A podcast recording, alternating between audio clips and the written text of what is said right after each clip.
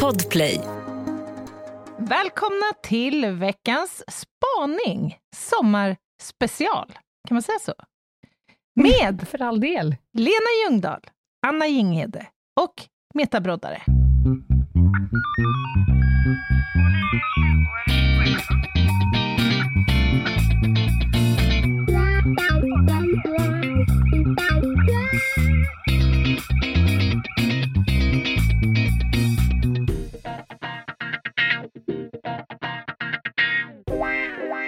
För att nu är det sommar, ta mig fan.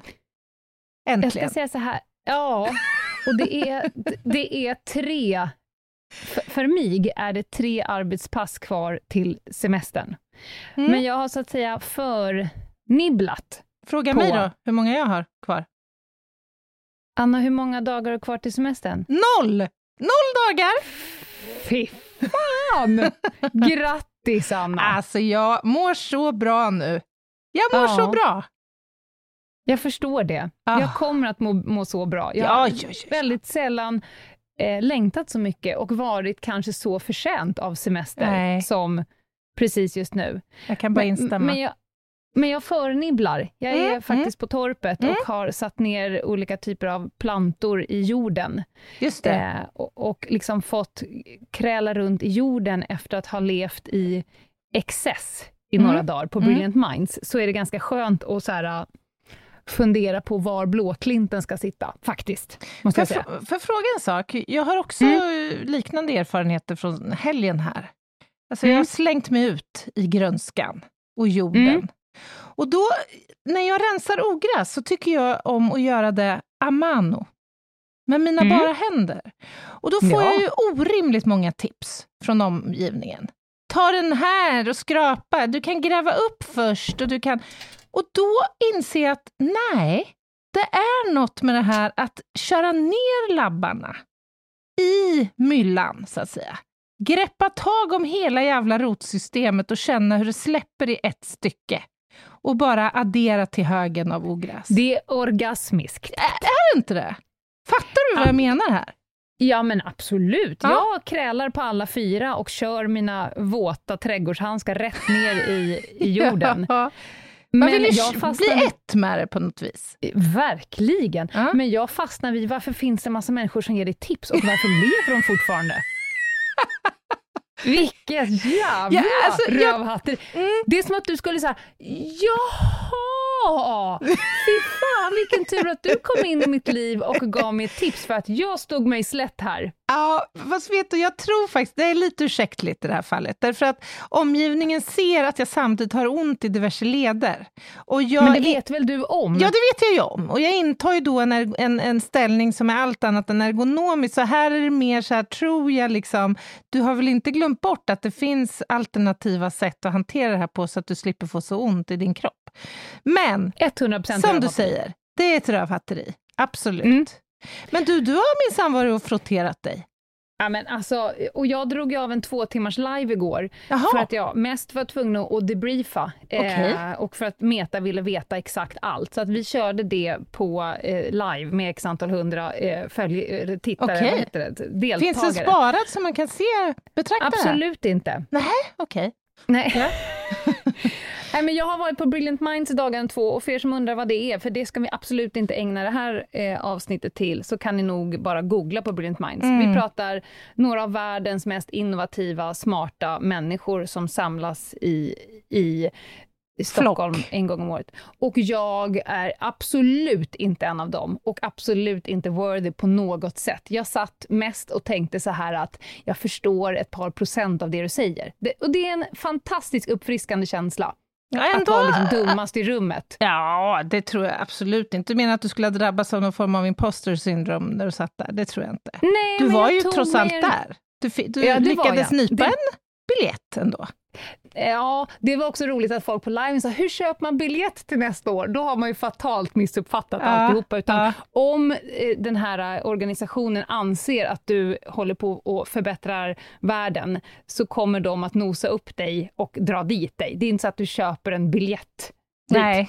Men, men jag tog mig en stor och rejäl bit av the humble pie och mm. satt och njöt i dagarna två och spred detta på mitt Instagram så mycket jag kunde, för jag tänkte att fler behöver få ta del, i alla fall eh, så att säga brottstycken av det hela. Mm, mm. Det var fantastiskt. Jag har fått lyssna på Malala, jag har fått lyssna på min absoluta favoritaktivist Edward Norton, jag har fått lyssna på forskare, människor som tillverkar saker av ingenting, människor som ska utrota malariahelvetet och så vidare, och så vidare, och så vidare. Och bara, mm. jag, jag lämnade de här dagarna med en känsla av hopp, förtröstan och en ljus framtid. Mm.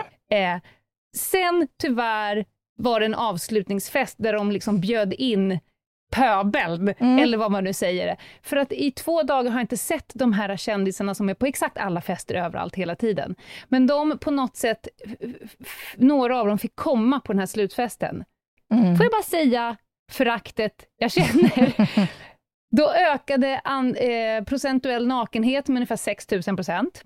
Mm. Rövslickeriet, men hej! Selfie. Alltså det bara blev som att jag, jag trädde in i ett annat, eh, en annan galax mm. av eh, stämning och sådär. Så någonstans där kände jag att nu vill jag gå hem. Det här, nu, all min hopp och förtröstan och ljus framtid dog i samma sekund som de här som inte är brilliant minds, men som har för mycket space, mm, kom in mm. i mitt synfält. Jag fattar en liten kul sak var att eh, min, eh, en som jag känner, tog ett kort på mig när jag skulle åka uppskjutet för att jag eh, var jättenervös. Mm. Jag klippt bort en snubbe som satt bredvid mig i det här uppskjutet. Klippte mm. bort honom. Just det. Eh, för, för, att jag visste inte vem det var och han kanske inte ville vara med på bild. Jag, men, men det vet jag vem det var. Ja, exakt. Jag såg bilden. Han var väldigt, mm. Ja, exakt. Han var väldigt artig och trevlig, vi hade väldigt kul eh, och sådär. Jag visste inte vem han var, han visste inte vem jag var. Vi båda gav fulla fan i vad, vilka, respekt, vilka vi var. men, men sen så ble, kom jag hem och eh, min lite mer fotbollsintresserade son såg då ursprungsbilden mm. innan jag klippte bort honom och då sa han att det där är en av, eh, han är en jättekänd fotbollsspelare. Nu vet, kommer jag fortfarande inte ihåg Exakt. Mm. Eh, och så eh, la jag upp den bilden så här, titta vad kul att jag har liksom he helt random bara plockat bort, jag visste inte vem han var.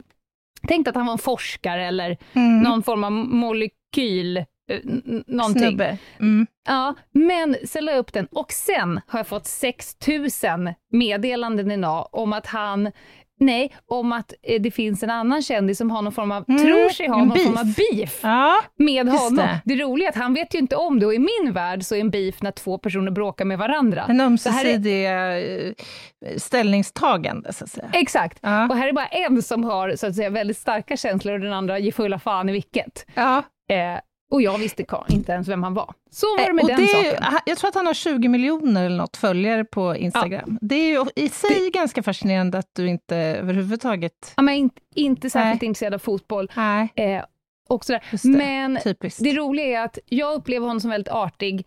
Eh, kanske för att jag inte visste vem han var och betedde mm. mig jävligt bra, som man gör. Respektfullt ja, mot folk. Fan. Nåväl. Det är väl bara om man är eh, kändis som man lever med någon slags tro och förväntan om att andra dels ska veta vem man är, ja. men också att andra också ska vilja spela samma, enligt samma spelregler som man själv. Ja. Vi åkte uppskjutet fram och tillbaka flera gånger och hade jätteroligt. Jag skrek till honom ”Good job Bob!” när han skrek jättehögt. Det är vad jag har för minnen av det hela. Kul! Nej, hörru, nog om det. Nu måste vi köra. Är du Let's beredd? do it!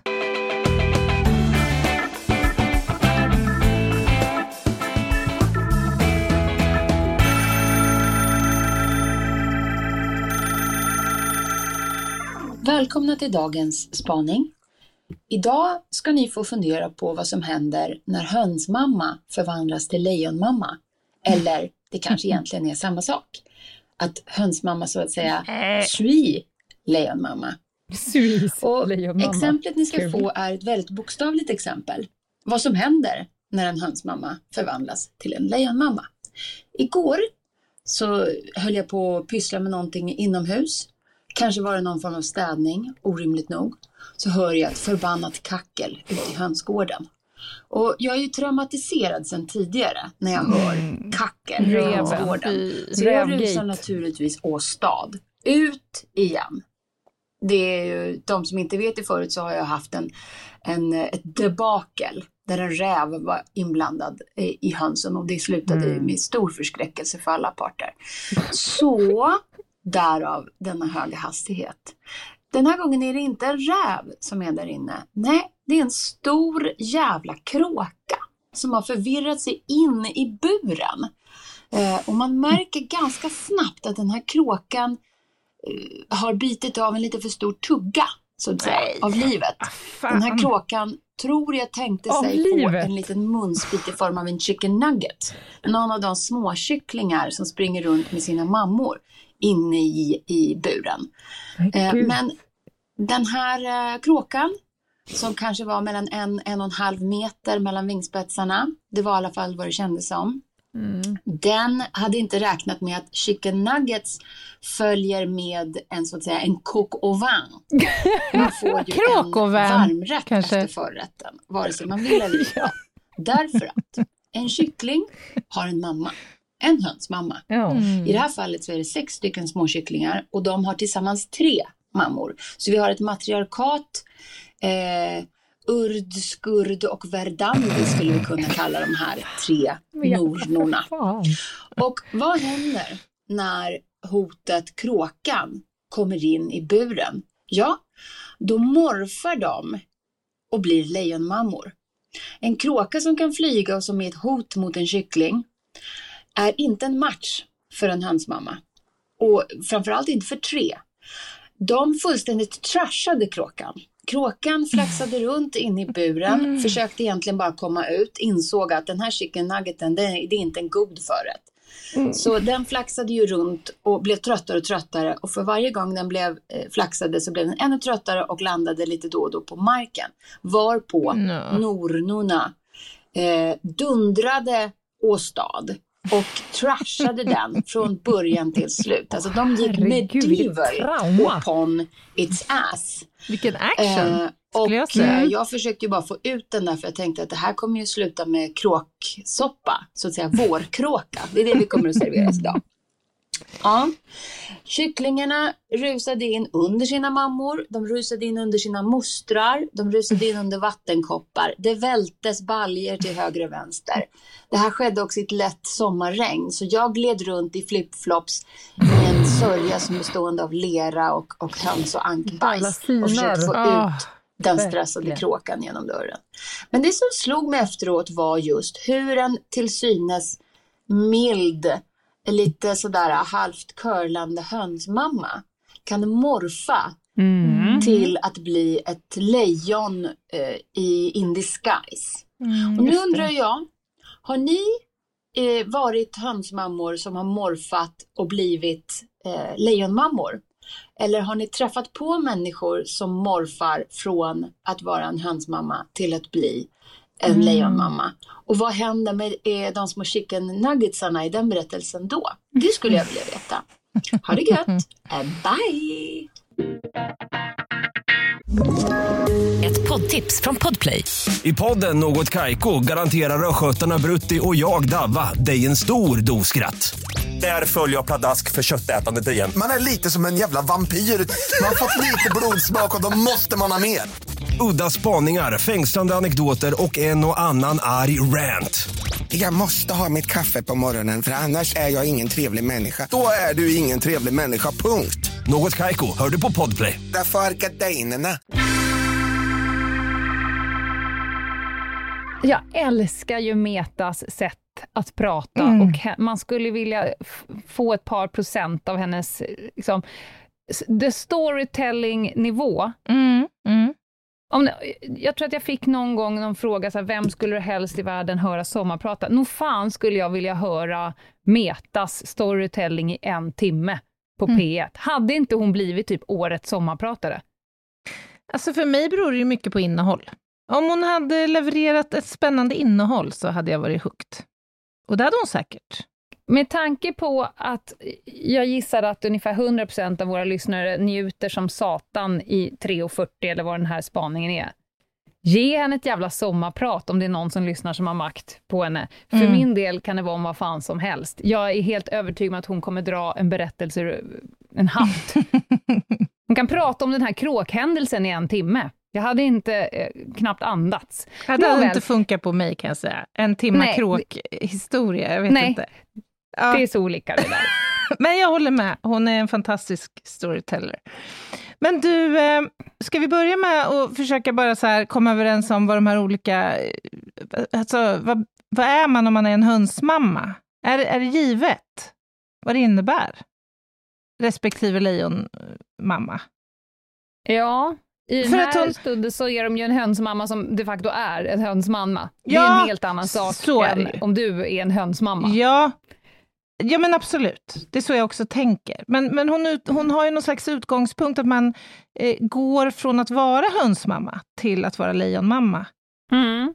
Och för mig är en hönsmamma, jag kanske är helt fel på det här, men alltså att man är närmast överbeskyddande Mhm. om sin Du ser en avkomma. negativ klang. Ja, men ja, ja faktiskt lite så. Mm. Hur, vad innebär begreppet för dig? Alltså, alltså, Eh. för mig att man nästan är överdrivet rädd om sina barn. Eller sin avkomma. Jag tänker, att, jag tänker att det inte finns en bortre gräns för alltså, hur omsorgsfull och eh, rädd om sina barn. Finns det någonting som är, jag är för rädd om mina barn. Jag har mer Mm. problem med vad det ger uttryck i. Om det ger uttryck i att du förminskar deras rörelsefrihet eller att du är Mm. kontrollerande eller någonting annat. Eh, Däremot har jag inget problem med nivån av hur rädd du är om dina barn och hur mycket omsorg du besitter, för jag tänker att det finns ingen bortre gräns för... Eh, det, finns det för mycket? Du är för mycket rädd om dina barn. Jag älskar mina barn för mycket. Det blir för mig... jag tror inte Det, att, det tror jag inte Ja. på. Nej, jag sätter inget likhetstecken mellan graden av kärlek till sitt barn och graden av eh, beskydd och omsorg om sitt barn nödvändigtvis. I och för sig.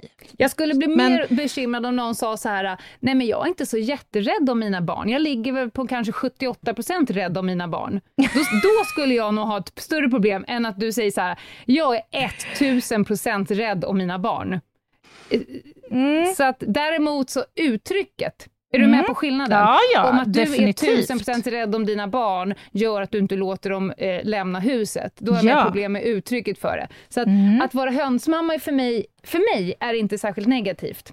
Nej. Det är en omsorgsfull, kärleksfull, om, om sig och kring sig person som också är en latent lejonmorsa ifall någon jävel ger sig på den du är, är som har så att säga Mhm, 100% gud, vad av din rädsla. Aha. Jag vet att folk säger åh jävla hönsmamma. Eh, jag ser människor som inte dugg hönsmammor, men som är douchebags till morsor för att de är överkontrollerande eller supercurlande eller sådär. Men så, så då menar du att om man nu är definitionsmässigt en hönsmamma, då är du också per definition, då har du lejonmamman i dig? Nej, det tror jag alla mammor har evolutionärt. Jag tror Ja. att vi, all, situationen kan nog frambringa eh, the, the medieval mother side Mm. av alla. Eh, I både dig, mig, i en jättekategorisk hönsmamma och någon som inte är dugg hönsmamma. Lejonmorsan tror jag vi alla har Mm. Ja, men för det tror jag också. För du sa att hönsmamman har en latent lejonmamma, så det var därför jag undrar lite grann om det förutsätter jag att då att du är hönsmamma i grunden. För att, Nej, men det tror jag att hon har. Men jag tror också att en person som inte är hönsmamma har lejonmamma. ja, jag fattar. Ja, men då, då är vi ju helt eniga där. För det är så tänker jag också kring det hela. Mm. Alltså, jag tänker att det såklart är jättelätt att inta båda de här eh, rollerna. Och jag tänker att mycket av det sker mer eller mindre instinktivt. Mm. Både hönsmammeriet och lejonmammeriet, det liksom ligger ju på något sätt, tror jag, i vårt DNA nästan. Och särskilt liksom när det är fråga om liv. Om det liksom är skarpt läge så kan vem som helst, precis som du ju nämnde också, gå in i lejonmorsan-rollen. Jag tänker på den här, det har ju skrivits ganska mycket sista året om en kvinna som gick in i ett brinnande hus och räddade livet på sina sex barn. Just det. Mm. Eh, och var fullständigt sönderbränd från topp till tå. Men hon hade inget Mm. annat för sitt eh, sinne än att rädda sina, sin avkomma, helt enkelt. Nej, och, och det där finns det ju, när jag håller på och föreläser om det här med att rädda människor, typ skolattacker och så vidare. Mm. Så, och där, där, där finns det ju en del forskning som faktiskt visar på att när du står mellan liv och död, då kommer du hålla liv i dig själv och din avkomma och resten skiter i. Ja, ja. Eh, så, och den är långt, långtgående, den drivkraften. Så att, eh, att slåss mot yttre omständigheter för sin avkommas så att säga, överlevnad, den är Mm. inte så svår att greppa. Nej, Eh, nej. Har du blivit, för det var ju frågan, har du blivit linmorsa? Har du gått medieval på en kråka eller en människa på grund av att den har så att säga överträtt din Ja. omsorgsbasis för barnet? Jag satt och funderade här. Jag har ju några exempel på eh, olika utfall här i potentiellt eh, så att säga, hotfulla situationer sett till eh, livet för, för mitt barn. Och det är lite intressant, för jag har reagerat fundamentalt olika i de här två situationerna. I det ena Mm. fallet så befinner vi oss i eh, vintertid vid en sjö och ska grilla Mm. och lite sådär. Och Mm. eh, där på vårkanten så isen bör, har börjat släppa lite grann sådär i Mm. kanterna. Mm. Så vi är alla överens Mm. om här, alla vuxna, att nu måste vi ha koll på, på barnen. Och Mm. rätt som det är i ett obevakat ögonblick så ser jag min son gå ut då på, över, mot det här området där vi vet att isen är tunnare. Och jag står Mm. vid strandkanten, det är inte många meter bort, men det är ändå liksom tillräckligt många för att det inte ska hinna fram om man nu går igenom.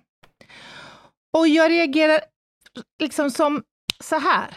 Jag bara Mm. kliver rätt över, där isen är svag, så bara kliver jag rakt över, jag går igenom. Hela jag är sjöblöt och iskall. Men Ja. jag måste, jag hinner inte gå runt, jag måste ta snabbaste vägen fram till honom. Och det gick bra. Mm. Han gick inte igenom och han var torr och fin. Något år senare har vi en helt annat, ett annat scenario. Då blir vi påkörda i ganska hög hastighet på E18, på motorvägen. Vi är första Mm. bilen i en serie om tio bilar som är involverade i den här händelsen. Och där kliver jag plötsligt inte in i lejonmorsan-mode, utan i snut-mode. Och Mm. försäkrar mig om att föraren som har orsakat det här inte ska lämna platsen och att eh, vi räddar liv på de som är bakom oss, som har utsatts för en väldigt hög energi i den här kollisionen. Mm. Och plötsligt så in, finner jag mig i en situation där mitt barn sitter själv i baksätet på vår egen bil. Alltså det första jag gjorde var så här, är du okej Sixten? Ja, jag är okej. Då lämnar Ja. jag bilen. Men jag borde ju naturligtvis utifrån ett lejonmorsa-perspektiv ha ägnat all min upp- uppmärksamhet till honom. Fast... Eller? Alltså, jag... Nej. Jag tror nog att du undermedvetet eller instinktivt eller vad som helst, hade det varit direkt fara för din sons liv, säg att er bil stod i brand, inte fan Mm. hade du gått in i polismode och börjat Nej, det hade jag ju såklart inte. Jag är helt övertygad om att du gjorde en snabb check-up, precis både verbalt men framförallt så kollade du av och konstaterade att nu kan ungfan sitta själv en stund för jag har andra, bättre saker för mig. Ja, du menar att jag gjorde en ursäktlig prioritering där? Nej men vad fan, lejonmorsan kan man inte, det, du kan inte stå och skydda ditt barn för en potentiell, möjlig, eventuell fara när andra människor är fara. Där tror jag nog att du eh, med, med, med fog kan säga att du har gjort en ganska god prioritering. Oh, fan vad skönt att få höra det. För det där Ja, gnagt lite i tycker jag. mig, faktiskt. Nej men vad fan ska han ha din uppmärksamhet? Han sitter väl bra där? Han är Ja, ja, han gjorde ju det, men, men ändå, när jag kommer tillbaka en stund senare och inser att han sitter där själv och är ledsen och ensam och övergiven. Ja men han behöver ingen lejonmorsa. Lejonsmorsa jobbar liv och död. Ja, ja, ja, ja, jag är Ja. helt med Ja, det här. tycker jag. Ja, Han kan ja. få öva på att sitta still och tycka synd om sig själv en stund. Det behöver man lära sig. Det ingår i morsarollen. Sitt still och håll käft, morsan har andra saker att göra. Absolut. Ah, men har du, har du några erfarenheter då från det här? Ehm, inte så många. Jag skulle säga så här att jag har väldigt sällan behövt träda in mig själv i lejonmorsa när det kommer till Mm. mitt eget barn. Däremot så har man ju känt känslan av att nu jävlar, du vet man får Mm. nästan lite Mm. underbett. Att om inte den här personen backar undan eller om inte eh, den här, inte vet jag, milda konflikten, man vet ju att man känner ju maskineriet inte går igång Mm. Och att man har resurser att ta av om det skulle behövas. Men jag har tack och lov varit i ganska få situationer med mitt Mm. barn där det faktiskt har behövts. Just Jag det. kan komma ihåg ett, ett tillfälle där en person som bör visa omsorg för min son inte gjorde det. Mm. Eh, och så att säga topplocket gick på Ljungdahl. Eh, och, och då säger jag till min man, eh, typ så här, nu kommer du få se den fula sidan av mig. Och det behövs i den här situationen, så du kan bara stå bredvid och hålla käft, för att jag kommer att låta eh, Guds heliga vrede sippra ur min kropp nu. Så att jag går fram till en, en bil, öppnar upp bildörren, vänder mig in i bilen och kör en, så att säga, En full en, Monty. verba- Mm. en full Monty verbalt, Mm, måste jag påstå. Eh, min son eh, klev ur bilen och gick ut och ställde sig på ett gärde en bit ifrån, bara för Ja. att han tyckte att det här var jobbigt, och det gjorde han rätt i. Mm. Eh, och sen så förklarade jag efteråt varför och hur och vad som kommer hända nu och bla bla bla. Och eh, vi plockade sena frukten av det ganska länge. Det blev alldeles lysande. Ibland behöver man bara så att säga placera skåpet. och Ja. det gjordes. Ja, och, och det var ju säkert motiverat och rimligt, men jag blir lite nyfiken då att höra hur du ser på det här, för att du säger att det är inte ofta du har liksom hamnat i den där eh, eh, rollen. Och då undrar jag om det beror på, för, för jag kan själv nämligen känna, eller jag har eller insett när, mm, snarare att det många gånger kan vara bra att inte agera på lejonmamman-impulsen, utan faktiskt chilla lite grann i de där lägena där hon annars hade liksom gjort entré. ja. Och, och det har jag liksom eh, känt har berott på att liksom min unge behöver själv få en chans att reda ut en situation, eh, att liksom trevande försöka orientera sig i den här mässen som eventuellt har uppstått, om det är en, en sån eh, situation. Och också att jag har själv behövt så här, känna att här kanske det inte är min roll i första hand som behöver synas, utan kanske den där lärarens, eller den där läkarens, eller någon annan eh, ansvarstagandes persons lejoninstinkt. Ja, jag håller med. Och det är nog därför att jag väldigt sällan har varit lejonmorsa, för att Mm. jag är en person som har en enorm portion chillpill Mm. eh, att så att säga frambringa. Eh, not my circus, not my monkeys. Och sen så om inte ungen är på väg och liksom eh, gör ett fatalt misstag eller någon beter sig jävligt illa, Mm. då kommer eh, han få helt enkelt lösa den här skiten själv. Och om du behöver hjälp så kommer jag kliva in i situationen med ganska tunga kroppsslag. Mm. Eh, om det behövs. Men det behövs ju väldigt sällan. Mm. Eh, jag vill bara säga en sak innan jag glömmer. Det här, eh, vi pratar om hemsmamma som att det vore någon form av endast eh, kvinnligt perspektiv på det här. Det är det ju inte. Mm. Nej, Även eh, pappor har ju så att säga, en, en, en, lejon, en lejonpappa Ja. i det hela. Och här vet jag en jätterolig studie där man har tagit eh, avläser från papp på pappas biceps. Jag tror att jag sa det här i något PDV-avsnitt. Där man har läst av pappas biceps i förlossningssalarna. Alltså från att kvin- kvinnan, den födande kvinnan kommer in Jaha. till att barnet är ute och så vidare. Så har man läst av pappas bicepsaktivitet Mm, i mm. rummet. Mm. Och då ser man ju då att trots att det är ganska så här tumultartat, mycket skrik, men det är väldigt naturliga grejer som sker där inne, Mm. så är pappas biceps ganska tysta.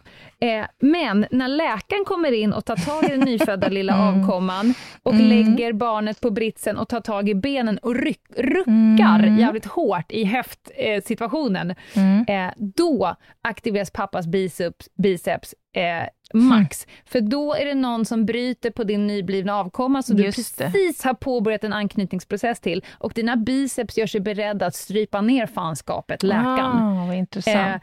Och då kan ju gärna kliva in och säga så här, gör inte det. Mm. Läkaren jobbar liksom för vår sak här. Mm. Men en, en sista grej som jag skulle säga. Eh, en, en, man, man har rätt på sig själv och håller liv i sig själv och sin, sin, sin avkomma.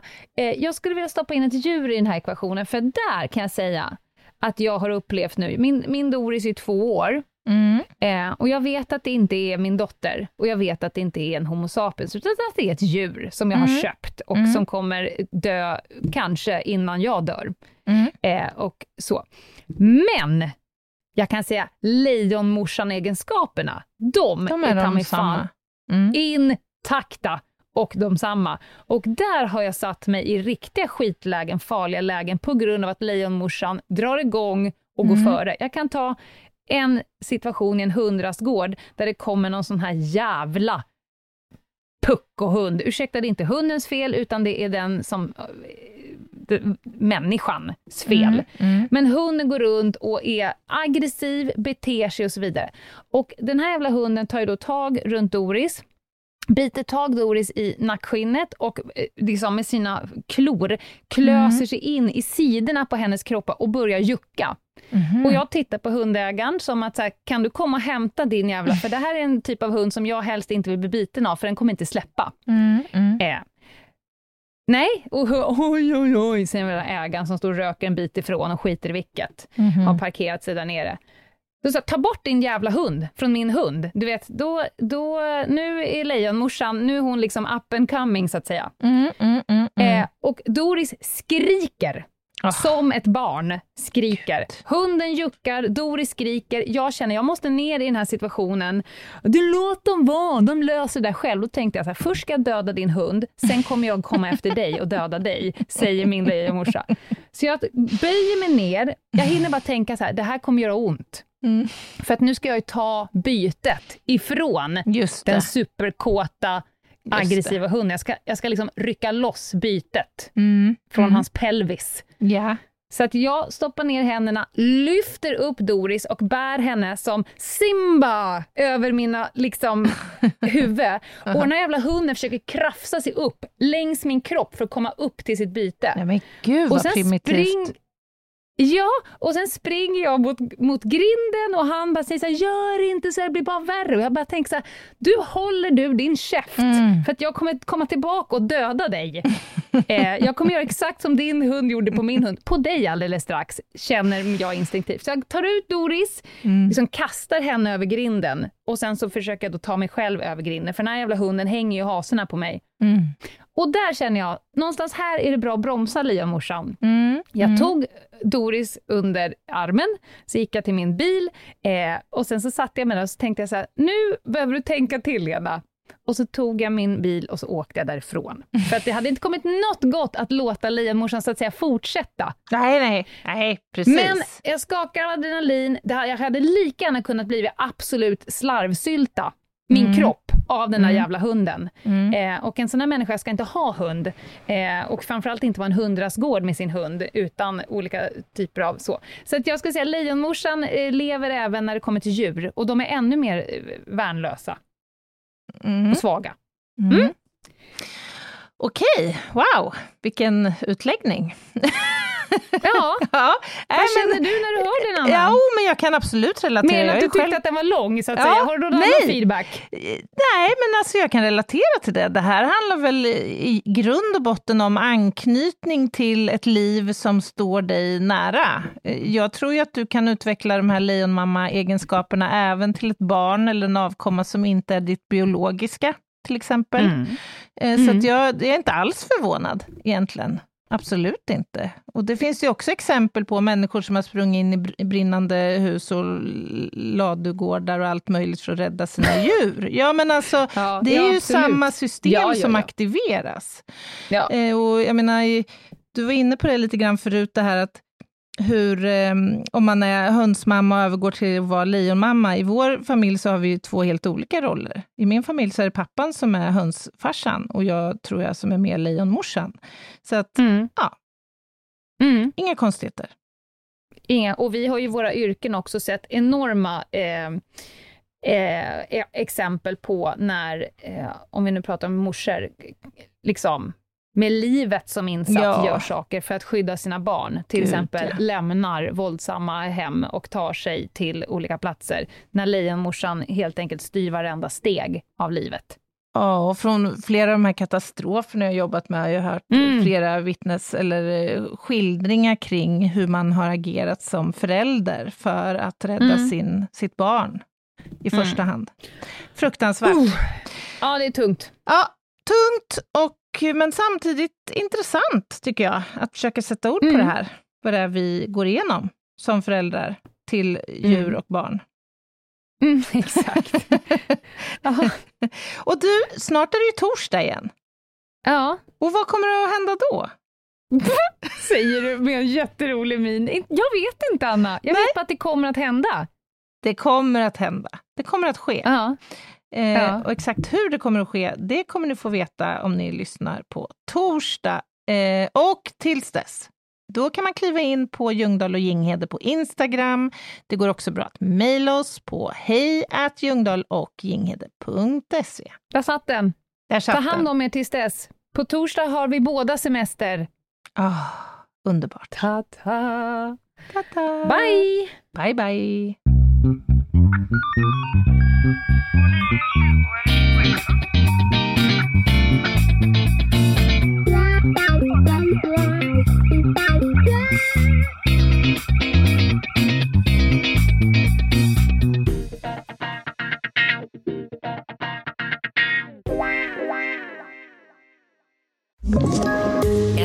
Poddtips från Podplay.